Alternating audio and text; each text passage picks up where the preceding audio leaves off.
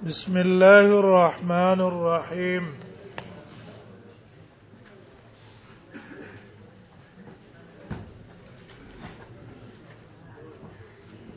ابواب الصوم عن رسول الله صلى الله عليه وسلم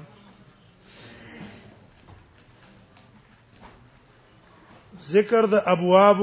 د روزي متعلق د نبی صلی الله علیه وسلم نه د کتاب پاول کې مونږ ویلو چې امام ترمذی اصطلاح دا ده چې د خپل کتاب په ابتدا کې تعبیر کوي د کتاب په ځای په ابوابون سره عام محدثین تعبیر کوي په لفظ د کتاب سره دویم لفظ د عن رسول الله راوړي عن رسول الله کی اشاره کوي دیتا چې په دې باب کې کوم روایتونه نقل دي دا روایتونه ټول مرفوع دي رسول الله صلی الله علیه وسلم ته صوم لغت کې څه ته ویل کیږي صام یصوم صومن لغوي معنا دا الامساک بندیدل د یو کار نه او دی لغوي معنا مفسرینو د مریم علی السلام د قول کې دا کړي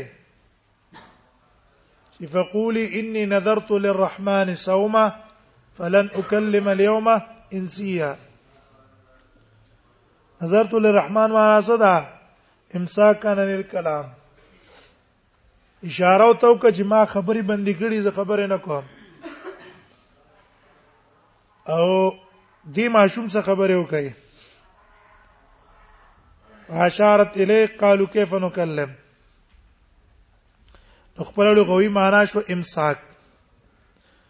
په اصطلاح د شریعت کې څه ته ویل کیږي نو په اصطلاح د شریعت کې امساکن بنیه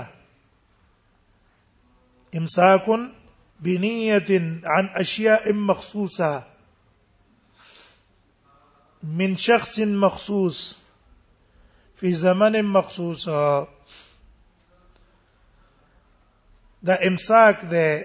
بنیه په نیت سره چې نیت په کینو دي ته صوم نه وای هم اختلاف براشي چې نیت د کم وخت نه سي کیږي نو نوافل کې په اتفاق باندې قبل الزوال سي کیږي او په رمضان کې اختلاف د جمهور علما په نسبت د شپې نه نیت کوي د پیشنمی نه مخکې د احناف په نسبت په رمضان کې هم کدي نیت زوال نه مخکې وکړو هم جایز ده اختلاف براش نو بنیت مخصوص خاص نیت ته د سنه امساک د بنیت ناشئ مخصوصه خاص قاشینو نه خوراک دې اسکاک دې جما ده یا داغي کوم متعلقات دي د شینو بزان ساته او من شخص مخصوص ته یو شخص نه چې مخصوص به چې مسلمان به کافر به دا مسلمان به کافر بنئ اهل به د صوم او فی زمن مخصوص خاص زمانہ ده چې هغه ده من طلوع الفجر الى غروب الشمس سبارا خطونه والا تر غروب غروب الشمس پورې دغه زمانہ ده بیا فرضیت رمضان کله راغله فرضیت رمضان دا راغله په سنه الثانيه من الهجره په دویم کال د هجرت باندې په دې کې د علماو اختلاف ده چې آیا د رمضان د فرضیت نمخ کې روزي فرض وي کنه وي اوس خو اتفاق ده په دې چې رمضان د فرضیت ترست بیا بعد نور چې څونه روزي دي عرفه ده ک غدا د عاشورا ده او ک نور ورځې دي چې څونه روزي دي دا روزي نه پلې فرض نه دی صرف رمضان فرض ده لیکن د رمضان د فرضیت تمخ کې روزي فرض وی کنه دا اختلاف علمی دی علمی یو مذهب دی د احناف او بل مذهب د شوافع دی احناف وايي چې مخکې روزه فرض وي به رمضان څخه فرضیت منسوخ شو او شافعي وایي چې مخکې فرض نه وي نفل وي او د هر لپاره خپل خپل دلایل دي هغه تعلق د علم سره لري عملی نه ده ځکه اوس په اتفاق باندې نفل دی ابواب الصوم عن رسول الله صلی الله علیه وسلم باب ما جاء في فضل شهر رمضان باب دې بیان دا کې چې راغلي په فضیلت د میاشتې د رمضان کې اول د رمضان د میاشتې فضیلت بیان دی شهر خو میاشت وای خپل معنا ښکار کېدو ته ظهور ته وای کنه رمضان رمضان عالم نه نوم ده د پاره دغه میاشت معلومه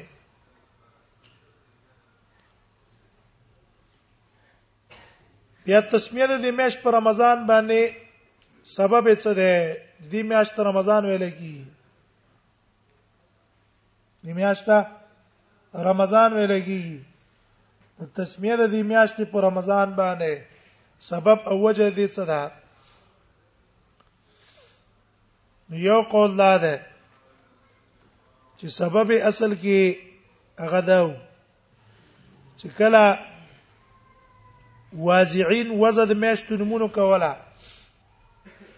وازعين چې کړه د میاشتو نمونه کې قسطه نو د موافقت په بنا باندې چې کم ټیم د کم ټیم سره موافق راغله ده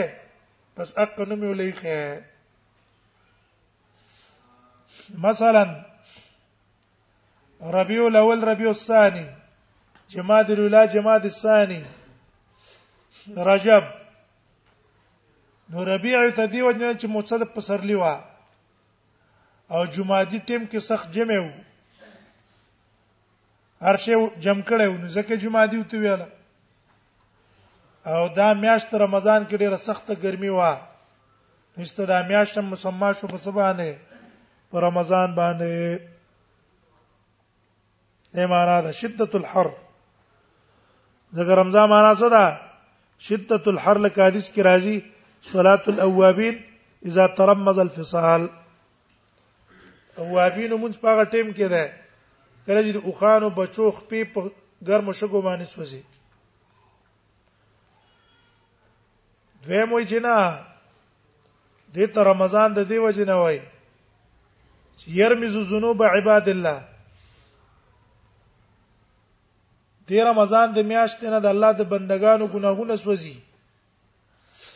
انسان د ګنا نه پاکيږي سپاکيږي نو دیو جن رمضان ته رمضان وای درې موجه چا دا ویلې دي رمضان ته رمضان زکه ویل ان القلوب تحترق فيه من الموعظه لان القلوب تحترق فيه من الموعظه په رمضان کې نصیحت په زړه باندې ډېر اثر کوي نصیحت د وجه زړه سوځي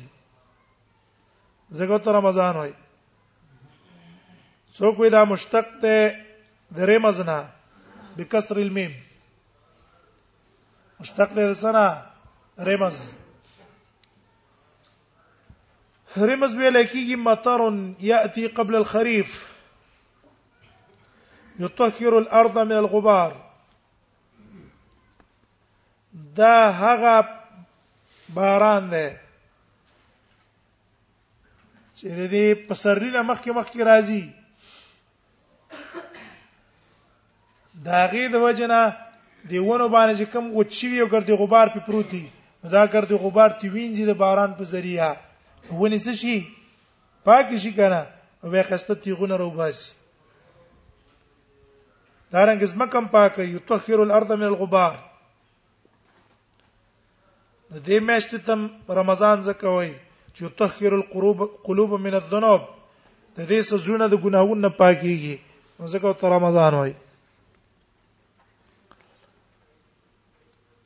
نو باو ما جاء في فضل شهر رمضان بسم الله الرحمن الرحيم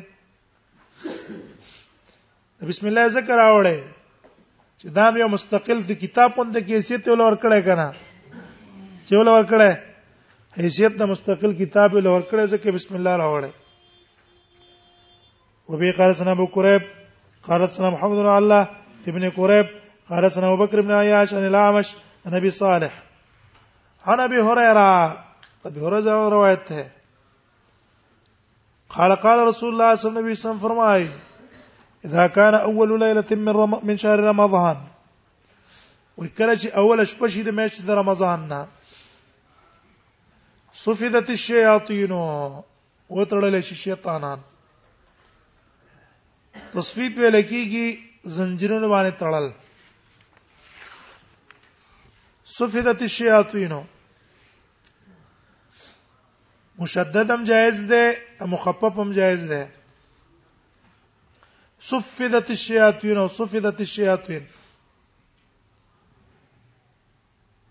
بیا دا تصفید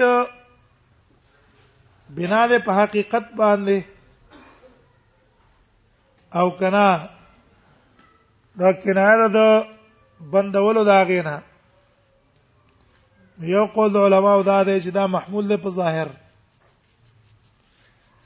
الله د دې رمضان د احترام او د اکرام د وجه ټول شیطانان استو تړي او تړل شي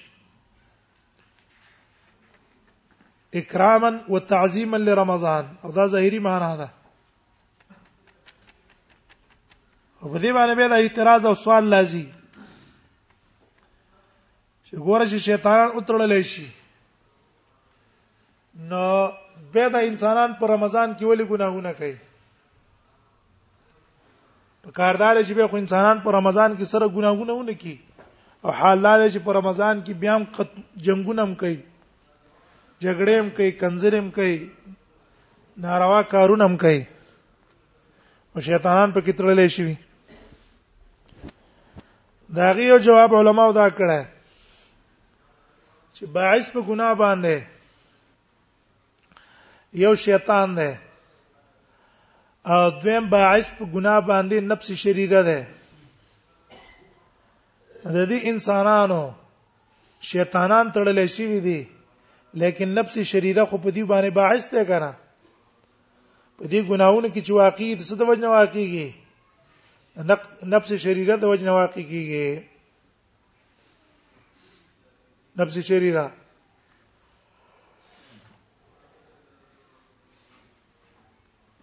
دیم جواب چا دا کړه چې سفیدت الشیاطین دی عام شیطانانو تړل شي هر چې دی مشر د ابلیس هغه نه تړل کی او هغه ابلیس را لګي د خلکو ته څه کوي دا اوس څه یو تور چي دریم جواب قرطبي سب کړه چې عام شیطانان تی نه دي مراد مرده الشیاطین چې په دې شیطانانو کې کم سرکشي دي هغه تړل شي او غیر سرکشي بیا پریخي دا غیر سرکش را لګي په دې ګناهونو باندې ول انسان اثر په کوي دویم قول لا ده چې سفیدت دا مجاز دی سره حفاظت نه چې الله د انسانانو حفاظت کوي د شیطانانو د گمراهۍ نه هغه نه رخکې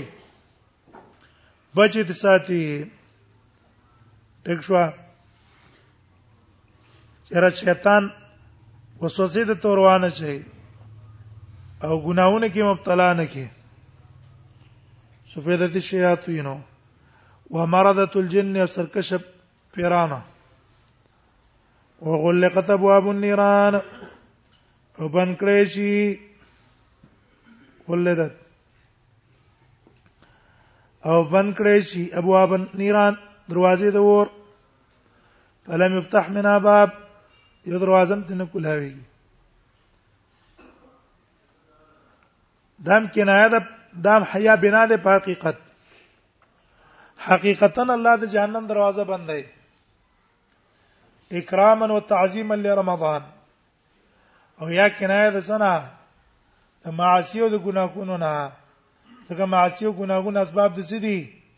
جهنم دي کنه وفتحت ابواب الجنه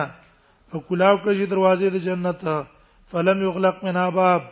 بندګي داغه نه یو دروازه وینادی منادن اواز کوي یو اواز کوونکې یا باغی الخير اقبل اے طالب د خیر حق بالله متوجه شه ويا باغي الشر اقصر او اے با اے طلبګار د شر اقصر بند شه د شرنا ولله عتقاء من النار او د الله لپاره آزادون کی د ورنا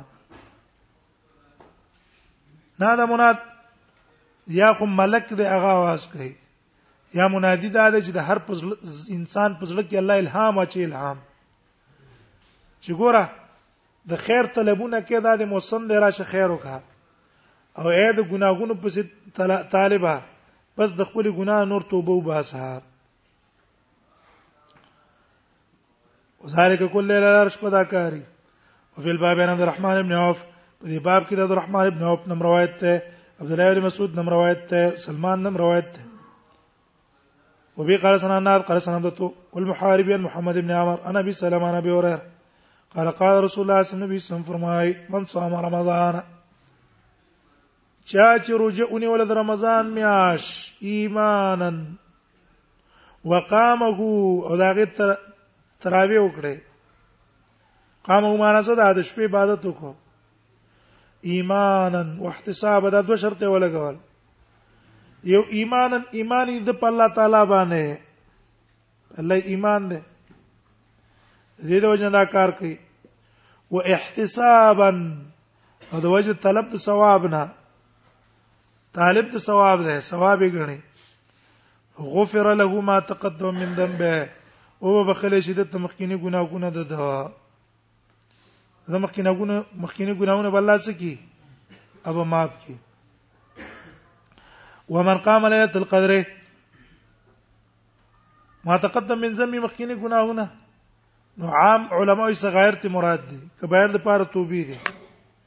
او یادار چې اخلاص ته